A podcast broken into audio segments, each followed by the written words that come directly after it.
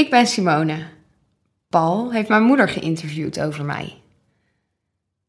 Ik speel wat mijn moeder over mij heeft verteld.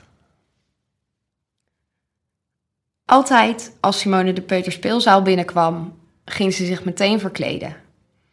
Thuis deed ze dat ook. Dan was zij rood kapje en dan waren wij ook van alles. Ik heb het lang niet begrepen, maar achteraf vallen de puzzelstukjes in elkaar. Ze moest eerst een rol aannemen en kon dan pas aan de dag beginnen. Naar de kleuterschool keek ze erg uit. Maar toen ze daar binnenkwam en in de kring ging zitten, had ze meteen buikpijn.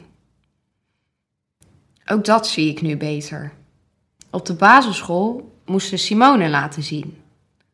Ze moest zichzelf zijn en ze vond het heel moeilijk om zich staande te houden. De basisschool was een moeilijke periode. Er waren verdenkingen van autisme.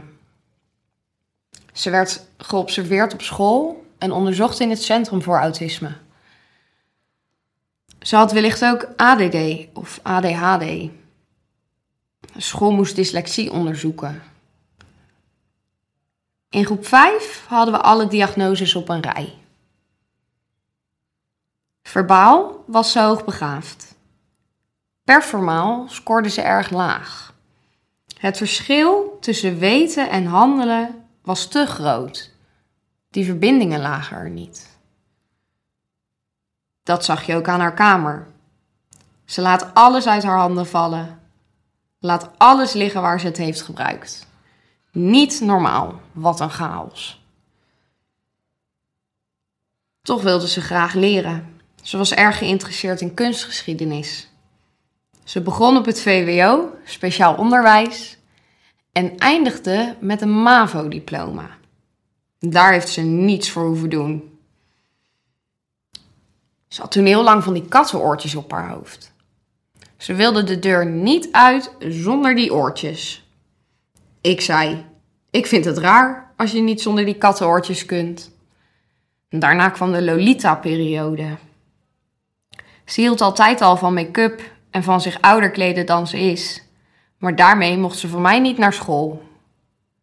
Je bent ook Simone, zei ik dan. En zo moet je je staande zien te houden. Lolita mag je ook zijn als je naar een feestje gaat met gelijkgestemden. Ze heeft wel veel therapie gehad, maar op medicatie reageert ze niet goed. Dus dat gebruikt ze niet. We noemen het nu autisme, maar voor mij is ze niet iemand met een beperking. Ze is gewoon Simone. Ik heb er nooit een geheim van gemaakt dat ze dit heeft. We doen haar tekort als we er niet open over zijn. Wij kunnen ons beter aanpassen dan dat zij dat kan. Ze heeft wel al veel aangeleerd, kan zich heel goed staande houden.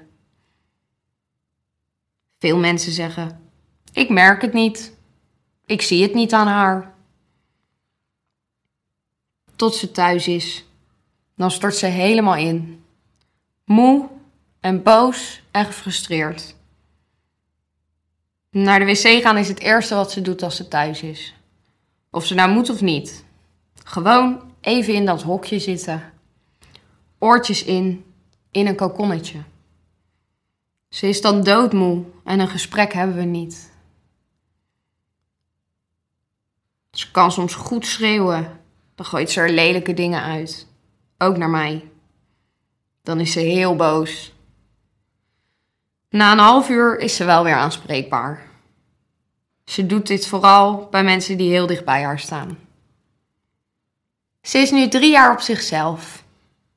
Ze is nog even thuis geweest toen oma doodging. Dat ging wel goed. Het verdriet verbond ons.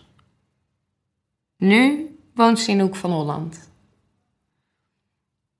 toch is ze ook altijd een vrolijk meisje geweest. Ze wil na tegenslagen weer doorgaan. Ze gelooft erin dat er altijd weer een moment komt dat het wel goed gaat. Ze ziet in eerste instantie altijd het goede in de ander. Haar sociale netwerk is groot Ze heeft leuke vrienden en vriendinnen. Begin 2020 zei ze: Dit wordt mijn jaar. En dat was waar. Ze heeft dit theatergezelschap gevonden en dat is voor haar een stip aan de horizon. Maar zo luchtig als het leven voor haar broertje en zusje is, is het niet voor Simone. In de winter heeft ze ook altijd een zware tijd. Dat is de winterblues. Als ze heel intens verdrietig is, als ze dat laat zien, de echte Simone, op de bodem van wie ze is, dan zegt ze: Ik wil normaal zijn. Waarom ben ik niet normaal? Ik zeg dan: Wat is normaal? Ik ben juist blij met hoe je bent. Ik probeer altijd de Simone eruit te halen waarvan ik weet dat ze erin zit. De echte Simone. Die ze heel vaak niet laat zien, omdat ze zich staande moet houden in deze wereld, in deze maatschappij. Ze laat zich niet gemakkelijk zien als ze op de bodem zit. Dat bewaart ze voor thuis. Het is alsof ze elke dag in een rol stapt. Elke dag weer. Nu natuurlijk niet verkleed als een prinses of Lolita. En ja, ze is anders. Ik ben zo blij dat ze mijn dochter is. Juist omdat ze anders is. En een andere kijk heeft op de wereld. En een andere kijk op mensen. En daardoor kan ze ook jou anders laten kijken.